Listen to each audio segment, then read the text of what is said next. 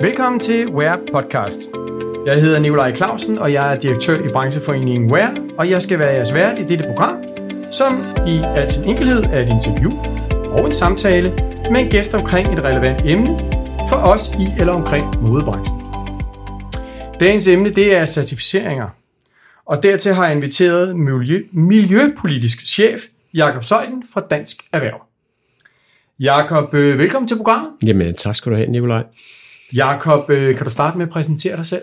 Jamen det kan jeg da. Jeg hedder som sagt Jakob Søjden. Du har allerede nævnt, at jeg er miljøpolitisk chef i Dansk Erhverv. Okay. Og der har jeg været en del år, 10-11 år, hvor jeg har rådgivet virksomheder i blandt andet certificering og mærkning. Dels også omkring hele det her aspekt, som handler om grøn markedsføring, hvor vi bruger de her certificering og mærkninger her. Og så har jeg øvrigt også været ansat i en hel del år for kommissionen, hvor jeg har lavet kriterier til Svanen og Blomsten og sidder i bestyrelser og forskellige mærker, så jeg er rigtig godt inde i det her. Du har en uh, solid baggrund i viden omkring certificeringer og, og den grønne omstilling. Ja, det har jeg. Jeg har også skrevet på bøger om det, hvor jeg blandt andet dykker helt ind i hjertet på, hvad en certificeringsordning er, også med henblik ja. på at aflure, om de er troværdige og hvordan de arbejder osv. Det kommer vi ind på, det er jeg ret sikker på. Ja, det gør vi. Tak for præsentationen, Jakob. Skal vi ikke bare se at komme i gang?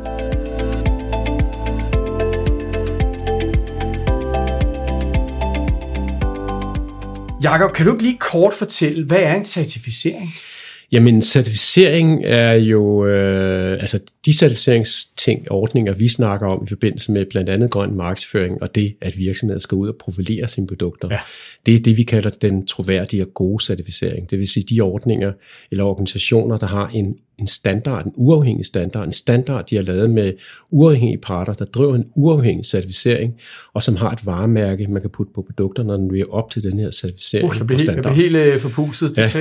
Hvad hedder så, det? Altså, så, så det du siger, det er en, en certificering af en form for os for en troværdighedslabel, eller hvad? Ja, hvad, det hvad? er det. Altså en certificering, det er, hvis du har en organisation, der har en standard, der kan for eksempel handle om, øh, hvordan man... Øh, udvikler et stykke tøj til at være bæredygtigt ud ja. fra en standard og nogle Det kan fx være, nu kom et mærke, Godsmærket, ja, Godsmærket for eksempel. Ja. De, har, de udvikler en standard, som lægger en ambition ind for bæredygtighed i nogle kriterier.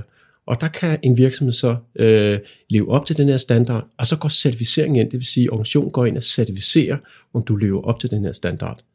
Så man kan sige, det er dit, øh, så, så du kan bruge certificeringen som brand til at bevise over for forbrugerne eller dine din B2B-kunder, at du faktisk lever op til den her standard? Ja, fordi at øh, organisationen, der har standarden, er uafhængig, og u- det er en tredje, ja. man kalder det en tredje part, det vil sige, de går ind som tredje part mellem producenten og kunden, og verificerer, produktet lever op til den her standard, og certificerer det, og så får du licens, og så får du et varemærke, du kan bruge, når du, løb, når du har den her licens, og så kan du markedsføre dig ud fra den her uafhængighed.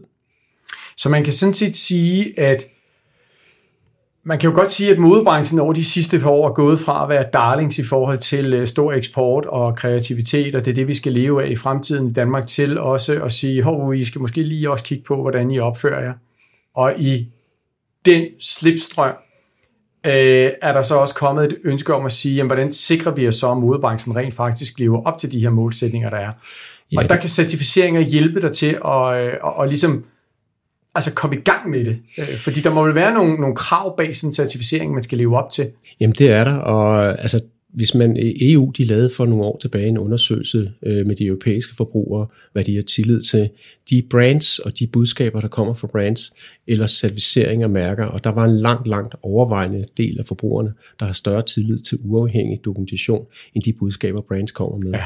Og det kan man jo sådan set sige, at branchen, eller brancher, eller modbranchen selv er skyld i, ja. fordi de har, de har markedsført og brandet sig øh, på baggrund af måske noget, de ikke kunne dokumentere, og, ja. og så har der været historie i pressen og andet, så et eller andet sted, så øh, har man jo været med til at skabe behovet for øh, uafhængig certificering og dokumentation. Ja. Men, men, men, men, men det, der så er interessant jo, når man snakker om den her certificering, det er jo, at er det så det rigtige redskab, eller er det blot, blot et redskab i, i værktøjskassen for måske at komme i gang med sin bæredygtige omstilling, hvis man er en virksomhed, der har produceret i flere år og ligesom er i gang med at omstille? Øh, altså, er det blot et redskab, eller mener du, at det er det vigtigste redskab? Hvad, hvad, hvad tænker du der? Øh, jeg, jeg tænker, det er et vigtigt redskab, især hvis du vil ud og markedsføre konkrete produkter for eksempel. Hvis du er ude og, og markedsfører nogle, nogle konkrete egenskaber inden for bæredygtighed, så siger ombudsmanden jo også, at du skal kunne fremvise dokumentation, uafhængig dokumentation. Du kan selvfølgelig sagtens øh, gøre det uden at have en certificeringsordning, et mærke eller leve op til en standard. Men det, det, det du egentlig skal sikre, det er i hvert fald, at det du fremfører, der kan du fremvise noget solid dokumentation, du lever op til det, du egentlig claimer, dit produkt skal kunne leve op til. Og så det du det, slipper, altså du, man, siger, man slipper ikke for at kunne dokumentere, men man lægger dokumentation over til nogle andre, som så et eller andet sted hen har ansvaret for, at, at det er rigtigt nok, når du skriver det her på dit produkt. Ja, fordi hvornår, hvornår har du en ambition nok, eller der er højt nok oppe i forhold til det gennemsnitlige ja. tilsvarende produkt på markedet. Og der er det jo rigtig, rigtig vigtigt, at du har dokumentation for, at der er nogen, der er enige med dig om, hvis det er, at du claimer et eller andet, at du ligger oppe i en øvre del. Og det er jo det, en, øh, en uafhængig standard ja. kan give dig. Ja. Det er den der ambitionsniveau, der gør, undskyld, at du kan sige, at du ligger oppe i toppen af ja. et tilsvarende produkt på markedet. For eller hvordan skal du forklare ud fra din egen antagelse og din egen standard, eller din egen opfattelse af, at du ligger deroppe? det kan være rigtig, rigtig svært. Ja, så her der bliver du sådan set mål på lige fod med alle andre, der har den certificering. Så ja. ved man, at her der ligger alle som minimum på det her.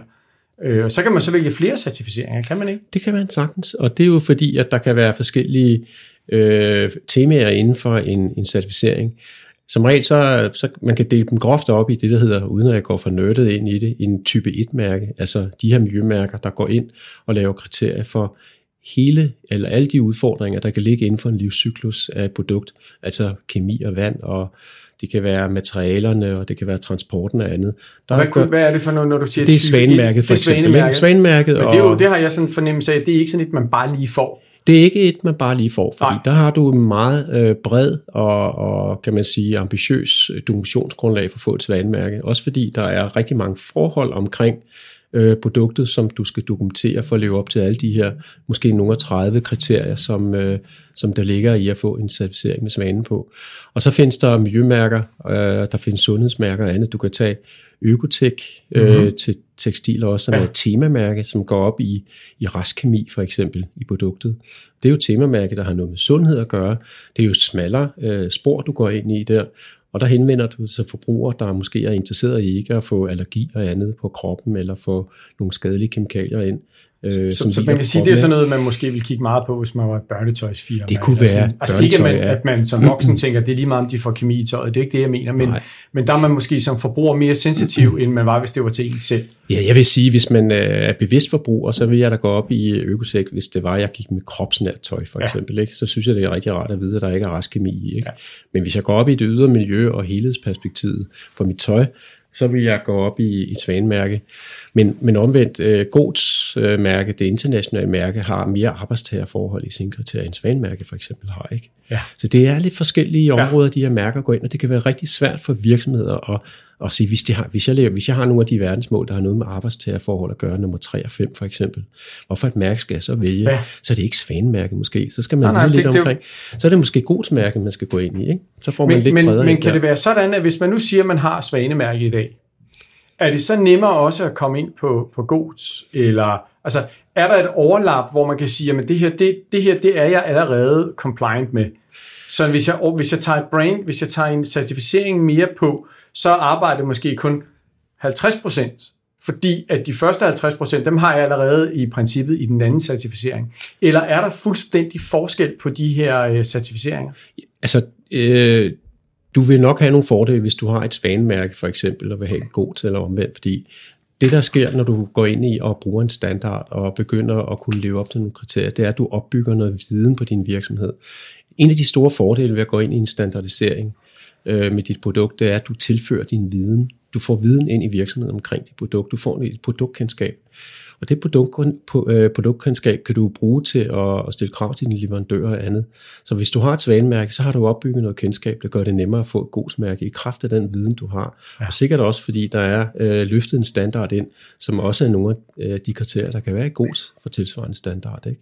Så, så, så, man, så, så man kan sige, at når man så ligesom skal vælge sine certificeringer, så kan man jo vælge ud fra hjertet, hvad der sådan ligesom ligger i nær, tænker jeg. Mm. Ikke? Altså, jeg er meget opmærksom på for eksempel med spildevand, at det, der er rent vand, at der ikke er kemi i tøjet. Eller sådan. Det, det, det, det siger jeg nu, det er jeg opmærksom på som, som brand owner. Men, men det kan jo også være, at man ligesom tænker, jamen hvad er det, der spiller ind i forbrugernes bevidsthed for øjeblikket? Hvad ja. er det, de har fokus mm. på? Øh, og det er måske lidt spekulativt, men, men, men, men et eller andet tidspunkt, så, så kan jeg jo mærke, når jeg taler med vores medlemmer i WARE her, at også uden for WARE, at man vil jo meget gerne bruge sine bæredygtige tiltag i kommunikationen. Mm. Og det er jo derfor, de her certificeringer kommer ind, fordi så er det troværdigt. Så hvordan vælger man så den certificering, når du både på den ene side måske skal have hjertet med i det, men du måske på den anden side, det kan godt være på den anden side, også skal kigge på og sige, jamen er det overhovedet noget, der har nogen effekt, hvis jeg markedsfører det? Det er klart, at øh, altså først og fremmest så hvis du er en virksomhed, der har udpeget nogle SDG'er, så skal du selvfølgelig vælge en standard, en certificeringsordning, ud fra de SDG'er, du arbejder med, fordi det og er SDG'er, jo hvad er det? verdensmålene, Verdensmål, og der er ja. de her 17, og de henvender sig jo enten til nogle arbejdstagerforhold, der kan være et issue for tekstiler, det kan også være det ydre miljø, det kan være vand, og det kan være andre forhold. Ja. Ikke? Og det er jo klart, at der går man lige ind og laver en vurdering, øh, også at, øh, hvad det er for en standard og certificeringsordning, du har i forhold til dine verdensmål. Men alt andet lige, så øh, det, der er mere toneangivende i dag, det er forretningsdrevet CSR, eller forretningsdrevet miljøindsats, hvor det er okay at tjene penge på at gå ind og certificere. Hvis du går 10 år tilbage, der var det mere, øh, hvor man blev vurderet på, at man havde hjertet og ildsjælen med. Det er faktisk okay at tjene penge på det i dag. Ja. Og der vil jeg til hver tid, når jeg skal vælge en mærkningsordning, gå ind på det marked, jeg skal, jeg skal, jeg skal sælge mine varer på, og se, hvad er det for nogle mærker, jeg egentlig kan vælge i Danmark, eller i USA, Tyskland. eller hvor jeg vil hen, Tyskland, ja. øh, og hvorfor, øh, hvorfor nogle mærkningsordninger kender forbrugerne. Fordi vi har lavet nogle analyser i Dansk Erhverv, der viser, at jo højere kendskabsgrad der er til en certificering, jo større tillid er der til ordningen hos en forbruger. Og det er alt andet lige, øh, man kan jo sige, dels tjener du ikke penge, hvis din mærkningsordning ikke løfter et større salg ind. Og mærkningsordningen giver dig jo heller ikke en miljøgevinst, hvis brugeren fravælger mærket. Så et eller andet sted, så er det jo vigtigt, at du vælger en mærkning, som passer ind i forbrugerens forestilling om, hvad der Ja, er en det, tillidsfuld det siger mærkning. du jo, men, siger jeg, men, ja. jeg oplever bare, at der kommer flere og flere mærkningsordninger og alt muligt. Ja, altså, det, det er rigtigt, Så, så det men det er jo en anden udfordring, synes jeg, ja, fordi ja. der kommer faktisk ikke ret mange flere troværdige mærkningsordninger. Nej. Vi ser, at der er mange virksomheder, også inden for tekstilvirksomheder, der laver deres egne mærkninger. Altså bygger øh, en eller anden mærkning ind på deres produkt ud fra deres egen indsats, ja. bygger deres egen forestillinger omkring, Ja. hvad der er et godt miljøprofil. Det siger vi så bare her for Dansk Erhverv lad være med det. Ja, ikke? og der kan jeg fortælle dig, at øh, en af de tidligere afsnit, vi har haft, og det kan jeg også sige til lytterne, hvis ikke de har hørt det, så har vi tidligere haft øh, Frederikke Land inden fra Ligalov og fortælle omkring Ja, markedsføring. præcis. Og hun siger jo det samme, at det er jo rigtig, rigtig fint, at man laver en lille øh, blad, eller en, en, en globus, eller et, et, noget, nogle bølger ja. På nogle produkter, men det er bare ikke nok. Det er altså, ikke nok. Og det, som ombudsmanden jo også siger i sin vejledning for grøn og etisk markedsføring, det er, lad være med at lave din egen ordning, støt Ja. det, der er, hvis der er noget, der virker. Ikke? Ja. Fordi det, der er, vi hører... Det, det støtter jeg op om, Jacob. Ja, det er godt at høre. Men det der mærkforvirring af junglen, alle snakker om, det er altså ikke troværdig mærkning, der skaber den der jungle. Den smukke jungle, det er de troværdige mærker. Den vilde jungle og den forvidrede jungle, det er alle de andre mærker, Det ved jeg godt, men forbrugerne oplever bare de mærker. Det er rigtigt. Det er jo det, der, det er, det, der er issueet her, ikke? og det er derfor, jeg mener, der er måske en mærkeforvirring. Ikke? Der er mærkeforvirring. Ude hos forbrugerne. Ikke? det er Så, så det, det taler jo bare ind i det, du siger. Så, så vil nogen, der har en eller anden form for global reach, som også har en kendskab på nogle af de øh, markeder, man eksporterer på. Ja, det er vigtigt. Altså der kan man sige, at Svanemærke er rigtig, rigtig godt, men hvor mange tyske forbrugere eller spanske forbrugere kender Svanemærke, det, det vil jeg ikke komme ind på lige nu, men det kan selvfølgelig være kompliceret at vurdere det. Og, og der er det så, du siger, at du har lavet en model, hvordan du vurderer de her øh, Ja, øh, ja. certificeringer, eller hvad er det? Du Det har jeg. Jeg har, jeg har skrevet to bøger om øh, mærker, certificering, og den bog, jeg lavede først øh, tilbage i 2018, den vurderer øh, de mærker, der er anvendt på det danske marked. Der er cirka 51. I dag er der 55, der kom fire til. Af de troværdige mærker. Ja. Og der har vi lavet en sommerfugl, en butterfly-model, der vurderer øh, et mærkes troværdighed. Den grønne vinge og den blå vinge, det er markedsværdi. Og de 36 kriterier, eller otte værdier, øhm, Det er jo som- ret, det er ret, det er Det er ret omfattende vurdering Ja, det er det, af, og- af, de her øh, certificeringer. Og det er der, og jeg vil sige så meget, at vi brugte tre år på at lave den her model, hvor vi var i, i workshop og diskussioner og høringer med alle 51 mærker, så de vurderinger, vi har lavet, Så I simpelthen talt med det har vi. Alle 51 mærker har vi snakket med, at de har vurderet de her vurderinger, vi har lavet, og så alle kriterierne har vi udviklet med knap 500 virksomheder i workshops, sådan at markedsværdien og de kriterier, der afspejler de udfordringer, virksomheden ser ved brug af mærker. Så hvis man vurderer et mærke efter markedsværdien, så kan man se, jo flere point inden for de her fire værdier, så afspejler de også den kommercielle værdi, du får, når du vælger et mærke med en høj markedsværdi. Ja. Og omvendt, de kriterier, der ligger, 19 kriterier, der er for troværdighed, de går mere nuanceret ind og diskuterer og definerer, hvad der ligger i troværdighed ud fra de fire parametre, ombudsmanden siger, at troværdig markedsføring skal have, når man vælger troværdig ja. mærkning. Der går vi ind og nuancerer det, fordi det er ikke sort og hvidt. Troværdighed, det er ikke et spørgsmål om at være troværdig eller ikke være det. Der er mange nuancer gemt i det. Ikke? I det ikke? Der er mange opfattelser, for ja. eksempel sådan noget som, øh, så ser vi jo, der er mange mærker, der går ind og certificerer ved at sidde bag skrivebordet og der er mærker, der ikke går ud og kontrollerer, om kriterierne er ordentligt implementeret i virksomheden. Det får man som, ikke point for ikke at gøre. Nej, så, så med lidt risiko for at markedsføre lidt for hårdt her, øh, nu er du jo også en kollega, men, men, men jeg lægger mig fladt ned og siger, at der er også noget markedsføring i det her, fordi jeg faktisk synes, at du har lavet en, øh, en rigtig, rigtig, rigtig flot bog, og jeg synes, at man som udgangspunkt bør have den nærmest i alle indkøbsafdelinger på alle øh, mm. virksomheder i modebranchen. Fordi det giver et rigtig godt overblik over, hvad er det for en certificering, og hvad er det for en styrker, den har. Og så skal man selvfølgelig gå op med sig selv, hvad er det, vi, hvor er det, vi gerne vil gøre en forskel. Og så gå ind og kigge på den certificering og sige, hvor er det så, den certificering gør, altså hvilken certificering er bedst til den forskel, vi gerne vil gøre, og den forbedring, vi gerne vil gøre. Så jeg, jeg synes, det er en super flot bog, og jeg ved også, jeg, jeg bliver til at lave lidt mere reklame for dig. Jeg ved godt, det er lidt, uh, lidt skamfuldt, uh, men nu indrømmer vi det jo blankt og åbent her, uh, at du har også lavet en opfølgning på den i forhold til, hvordan de taler ind til verdensmålene. Er det jo, det er rigtigt, det er rigtigt, det er korrekt. Det er en bog, vi lavede her, der kom i år her, som kigger på de internationale mærker. Et internationalt mærke, det er en, der får tre point i sommerfuglmodellen eller mere. Der er altså en, der har et internationalt reach. Ja. Det er der ikke så mange mærker, der har. Der Nej. tror jeg, der er 18 mærker. Men det kunne være her. for eksempel uh, Fairtrade. Det kunne være Fairtrade, og det kan være Goats for eksempel ja. også. Ikke? Den er også international. Meget, ja. Uh, og den, uh, den har et nyt værktøj, der hedder en kløver, og det er jo fordi, at vi, vi mener, at øh, når man er et bæredygtighedsmærke, eller en certificeringsordning, eller en standard, og alt det, der ligger i det, vi skriver om, så skal du også være øh, klar på, hvad det er for nogle verdensmål, du fremmer som en ordning, mærkningsordning. Det er klart, ikke? Ja. Og det kiggede vi så nærmere ned i, og vi lavede nogle vurderinger af de her internationale mærker, fordi øh, verdensmålene er jo internationale, det er FN, der har lavet dem i 15, ikke? Og så er vores, øh, vores tanke er, at fordi verdensmål jo egentlig er mere en hensigtserklæring. Det er jo en, det er noget, øh, det er et sprog, som verdenssamfundet har lavet, så vi kan... Det er jo ikke regulering. Det er ikke regulering, det, det, er, det er en kommunikationsmåde, det er, det er et sprog med noget grammatik, sådan at verden er i stand til at tale om det samme ja. og blive enige om, hvilke udfordringer skal vi arbejde fællesskab for.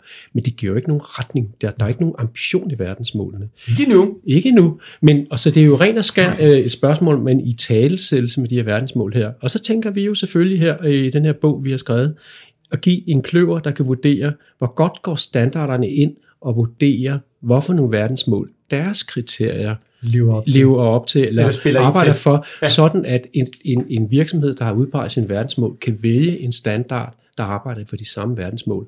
Og så kommer vi ind i det her med for eksempel i Fairtrade i vores bog, som er vinderen. Det er det eneste mærke, der udpeger øh, sine indikatorerne i verdensmål helt ned på kriterieniveau. Og der er det her eksempel med, øh, med hensyn til ligestilling, for eksempel i verdensmål nummer 5, der handler om kvinder i ledelse og andet. Ligestillingsspørgsmålet mellem kønnene der har øh, Fairtrade for eksempel et kriterie, der handler om, at der skal være lige antal kvinder i ledelserne i kooperativerne. Det er præcis en indikator i verdensmålene. Det betyder jo så lige pludselig, kan jeg putte et Fairtrade-produkt eller mærke på Fairtrade, og så komme med forklaring til, hvor jeg siger, at jeg påstår, at når jeg Fairtrade-mærker, så skaber jeg ligestilling. Forklaring, fordi at Fairtrade har ja. den her kriterie. Så meget kan du slet ikke stå det, på etiketterne, vel? Men, nej, men det kan der ikke, men man, man får en forklaring til ja. sin markedsføring. Når en, en, et mærke ja, ja. går ned og vurderer sin kriterier på indikatorerne, så kan du pludselig bruge indikatorerne i din markedsføring. Super stærkt. Og vi oplever jo også i branchen, at der bliver stillet krav til os nu, øh, til brandsene, når de skal levere til, til butikker og kæder og store magasiner, at de skal fremlægge en plan, handlingsplan for, hvordan de er blevet mere bæredygtige og mere ansvarlige. Og der, er, der vil jeg jo sige, at det her med, at man er med på en certificering, det er jeg da i hvert fald hørt, det, det, det, der, der er du ret højt op i, øh, i at være i mål. Øh, bare det, du nærmest arbejder med en certificering. Ikke? Det, det vil jeg sige, ikke? og lige det med verdensmålene, man kan se det lidt som om, at skydeskiven det er verdensmålene, men det, der gør, at du får en streng på din bue og kan skyde en pil kraftigt, det er certificeringerne. Det er certificeringerne. Det er virkelig godt forklaret, Jacob, efter en, øh, en, en, en lang øh, indflyvning til det. Men jeg synes også, det er nødvendigt, at vi har snakken, og jeg, jeg, jeg ved godt, jeg er ikke på klappe, men jeg synes, det er godt, du har lavet redskabet, og jeg håber, at der er flere, der vil, der vil prøve at kigge på det.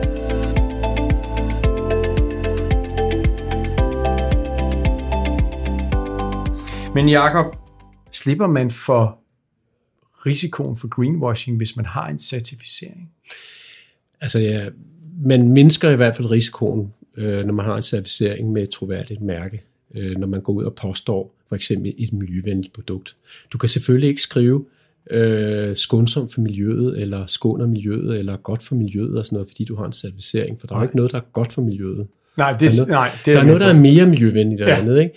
Og så er det jo også sådan, når man går ind og markedsfører et produkt med svane eller gods og sådan nogle ting, så opstår vildledning jo ud fra det helhedsindtryk, du giver på produktet ved, ved at bruge ja. billeder af børn og sådan noget. Ikke? Ja. Så nej, det gør du ikke. Nej. Øh, du skal være meget præcis stadigvæk i den forklaring, du giver til svanemærket, hvis du går ind og siger mere miljøvenligt, fordi at, eller andet. Ikke? Så Altså, det er næsten bedre bare kun at have et svanemærke på, og så ikke nogen bare det, svanemærket. Færdig, Og så, så udnytte Ja. det kendskab, forbrugeren har til produktet. Ikke? Fordi ja. vi for eksempel Svanemærket, der har forbrugerne op til 90% kendskab til Svanemærket. Ja.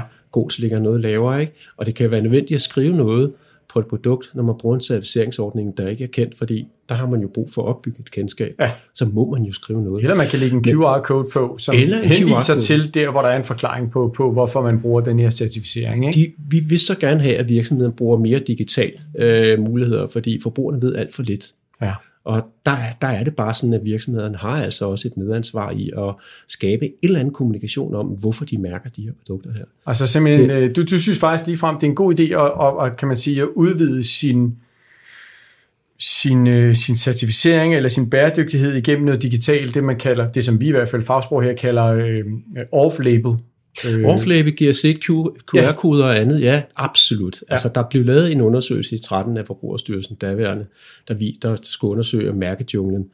Øh, og den konkluderede, nej, der er ikke mærkejunglen, men virksomheder kommunikerer alt for lidt. Det er det, der skaber forvirringen. Men, Og det, der- men Jacob, du det- ved jo også, det- du, du og jeg har mødtes mange gange i den her debat på, på kryds og tværs. Der er jo rigtig mange virksomheder, der sidder og siger, at vi gør rent faktisk noget. Mhm. Mm. Vi tør bare ikke at markedsføre det, fordi i sidste ende, så er der nogen, der siger, jamen det kan da godt være, at I gør det her, men hvorfor gør I ikke alt det andet? Altså, ikke, ikke, det skal ikke være en undskyldning, men det er i hvert fald derfor, der er meget kommunikation, der bliver holdt tilbage. Kan Det er dig. fuldstændig rigtigt, men jeg synes, det at certificere sit produkt, der kan du altså skyde et genvej, hvor du styrker muligheden for både at kommunikere præcist, men også at få noget viden ind til produktudviklingen samtidig. Ja. Det er en langsigtet forretningsstrategi at gøre sig bekendt med, hvad er det, der skaber bæredygtighed eller ikke i dit produkt. Det starter der, og der synes jeg nogle gange, specielt når du er en lille virksomhed, hvis du ser øh, økonomien til det, tag en certificeringsordning, fordi du får noget viden Ja. ind omkring dit produkt. Ja. Du kan bruge langsigtet. Det er super stærkt.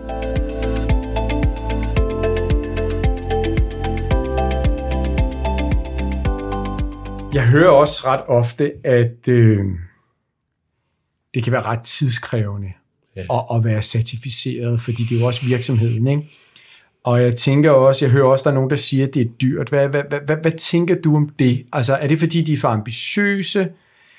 Fordi man ikke har sat sig ind i det ordentligt fra starten? Eller hvad er det, der, hvor- hvorfor, hvorfor opstår sådan en...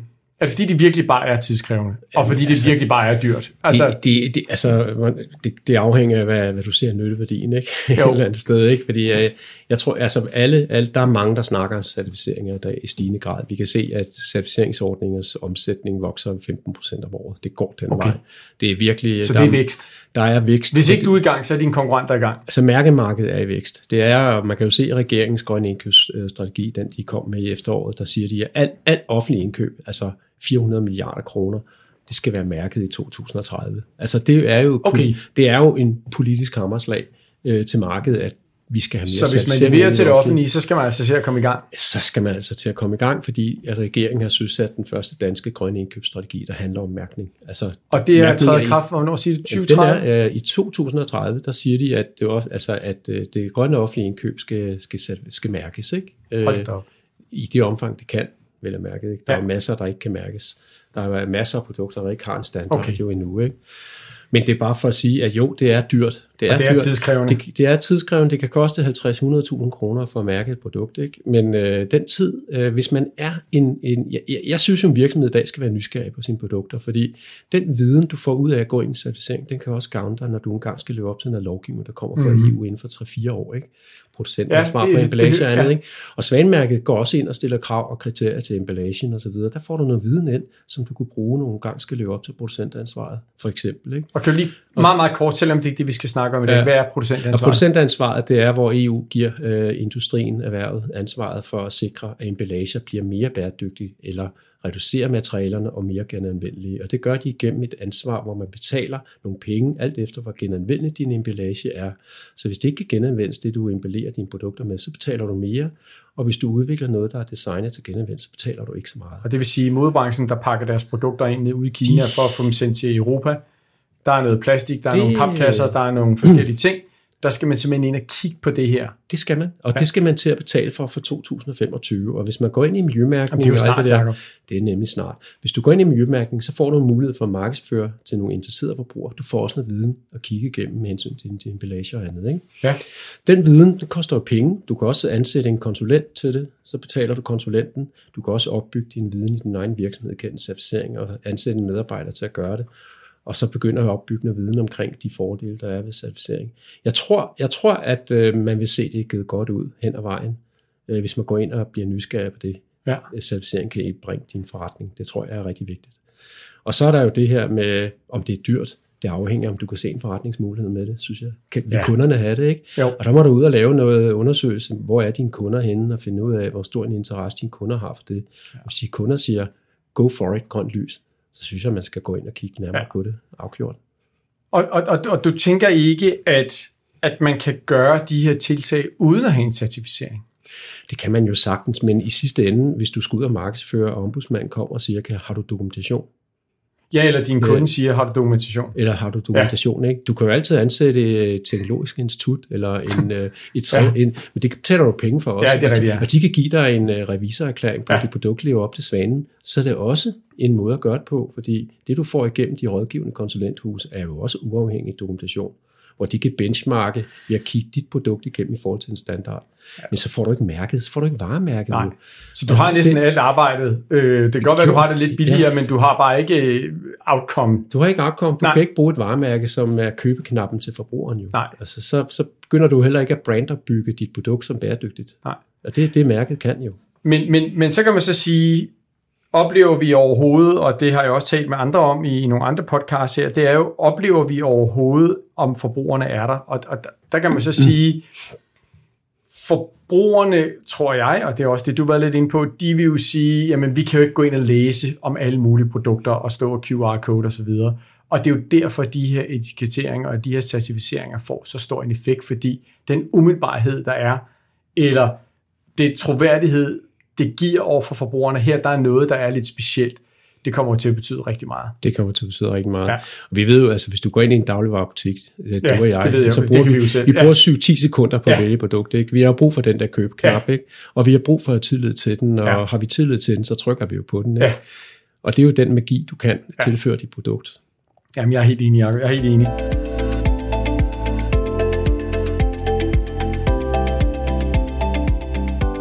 Jakob, øh, tiden iler jo afsted, ikke? Mm. Øh, og vi kunne snakke om certificeringer og, og, og grøn markedsføring herfra og, og til i overmorgen.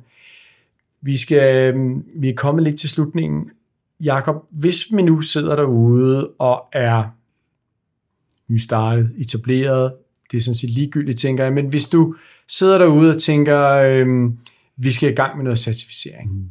altså det, det bliver vi nødt til, Øh, vi bliver også nødt til ligesom at have lidt styr på, hvad er det for nogle varer, vi laver, hvem er det, vi handler med, hvordan gør vi det.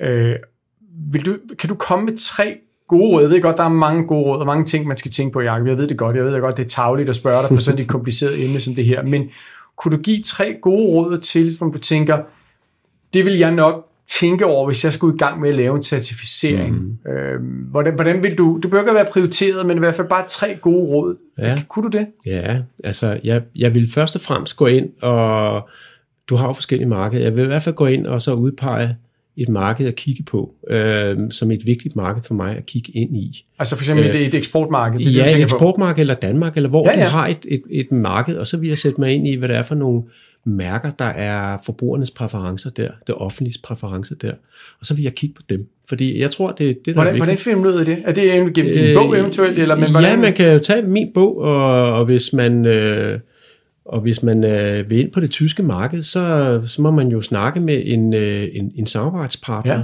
Eller en, øh, det tyske handelskammer, eller nogen. Ja. Men ud og gøre dig nysgerrig på, hvad er for nogle mærker, forbrugerne er interesseret på det marked, du går ind på. God idé. For alt, alt andet lige, så øh, at hvis du skal have succes med dit mærke, så skal forbrugerne have tillid til det, ja. og det er ofte kendskabskrav. Og der er kæmpe arbejde i det, så det vil være, næsten være rigtig ærgerligt.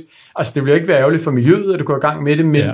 hvis du så i den anden ende forventer, at det også giver en eller anden form for afkast i omsætningen, mm. at det så ikke kan måles, så vil man jo ret ofte føle, hvorfor gør jeg ja, det her arbejde? Det, ikke? Ja. Så og der, det er jo en dimension. En anden dimension, det er, at hvis du nu skal levere det offentlige indkøb, så vil jeg helt klart kigge på nogle af de officielle mærker, der er på et marked. I Danmark er det jo, der vil jeg kigge på Svanemærket og Blomsten, hvis jeg skal ind i det offentlige indkøb i Danmark. I Tyskland vil jeg kigge på Blaue Engel, for eksempel. I Holland vil jeg køre. Men Jacob, det er rigtig fint, du går ned i så meget detaljer. Men det er bare for at nævne, kig ja, på offentlige det med, mærker. Det er med på. Men øh, det, der er interessant, det er at sige, når jeg skal i gang med det her, mm. 1.1. Find ud af, hvad er det for et marked, ja. hvad er det, det skal gøre, og så videre. Ja, og hvad, ja. så, hvad er så det næste punkt? Jamen, altså er det noget med at sørge for, at hele virksomheden er med på det, eller er det en ledelsesmæssig beslutning? Det, det, eller? Jeg, jeg tror, der, det næste punkt vil jo være at gå lidt ind i den standard, du eventuelt udpeger, og så lave en, en virkelighedsvurdering. Kan jeg overhovedet leve op til de krav, der er i standarden? Ikke? Fordi ja. det er jo ikke noget, du søsætter et storstilet arbejde med, og hvis du udpeger to eller tre standarder, som kan være vigtige for dit marked altså du vælger en, hvor din leverandør ikke kan levere ind på de forandringer, ja. der skal til for at leve op til standarden. Så du skal ud og finde helt nye leverandører? Ja, det synes jeg. Så du mener generelt skal man jo også have en god snak med sin leverandør måske, ikke? Ja, det, det, det, men det gør man ud fra den standard, man gerne vil kigge nærmere på. Men ja. der er også det emne der, at lige se, hvad er det, du gerne for, hvad er det for en profil, du vil have, dit produkt skal have? Skal det være et produkt, fordi du sælger børnetøj, der skal have en, en sundhedsdimension ind, fordi møderne køber det, ikke? Så, ja. så, så, så vælger man måske Økotek, og hvis du vil have et produkt, som... Øh, som skal have den brede miljøtilgang, og fordi du vil ud både offentlige og private indkøb, så vælger du måske type 1-mærke Svanen, Blomsten ja. eller Blau Engel. Ikke? Ja. Så det er jo også lidt spørgsmål om, hvad det er for en profil, du ønsker at designe produkt for. Og hvad så, hvad er det tredje hvad gode råd? Hvad kunne det være? Jamen det var jo det her med at gå ind og kigge på dit Undskyld. marked. Ikke? Ja. ikke? Men det er også lidt et spørgsmål om, hvis du så siger samtidig, at jeg har et pilotland Danmark og andet, og du kan vælge mellem øh, blomsten for eksempel, så har du tilgang til Europa, ikke? eller GOTS som international, så tror jeg, at GOTS er rigtig godt, hvis du har et, et amerikansk marked også. Ja.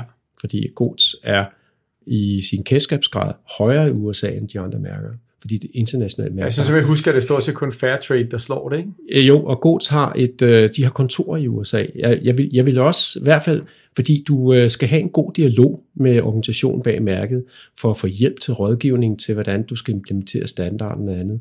Så det kan det være rigtig vigtigt, at du vælger et mærke, som har kontor i det pågældende land, du gerne vil ind i. Og det kan du også læse i min bog ja. jo. Men man må jo sige, Jacob, med, med, med, og det er nogle super gode råd, du giver, men jeg kan også høre lidt, måske et fjerde råd, hvis jeg må spille ind med det, det ja. tillader mig at gøre, det, det er mig, der er verden, at øh, man, skal jo, man skal jo nok gøre sig klar om, at der ikke er et quick fix, vi snakker om. Det er der ikke noget. Det, er, det her det er noget, man skal, man skal sætte tid af til det, og ressourcer af til det, og man skal ville det, altså helt op på ledelsesniveau, ikke? Altså det er ikke noget, der skal stoppe lige midt i det hele, fordi man lige synes, det går for langsomt, eller det er for besværligt, eller jeg er svært ved at se, hvad vi får ud af det øh, på bundlinjen. Ikke? Altså, man, man, man skal oprigtigt ville det og ja, tro ja. på det. Ikke? Øhm, der er også et femte råd, jeg lige kan fortælle om. Ja, lad mig høre.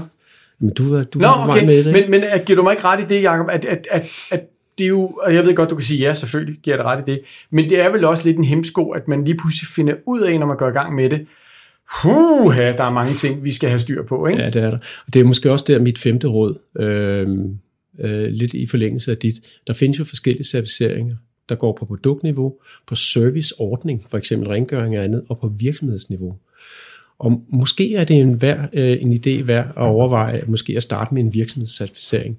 For så får du øh, øh bragt en bæredygtighedskultur ind i din ledelsesfilosofi. Du får bragt en, øh, en bæredygtig ledelsesstrategi ind i de målsætninger, du ønsker at rejse, som hænger sammen med din kerneforretning af dine kunder, og så måske derfra vælge en produktstandardisering. For så får du bygget den ind i kerneforretningen. Super godt, Jacob. Tusind tak for Jamen det. Selv tak. Jakob, øh, tak for de gode råd. Vi er jo kommet til afslutningen af, af det her afsnit. Og at øh, Jakob og jeg, vi håber jo, at du som lytter er blevet oplyst. Mm. Du kan måske også være blevet inspireret, og måske også blevet klogere på emnet omkring certificeringer.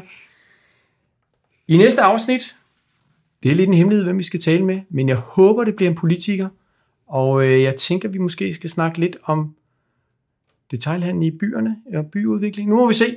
Jeg håber, I vil øh, lytte med næste gang, og jeg håber, at I får en rigtig god en på lytteren. Tak for i dag.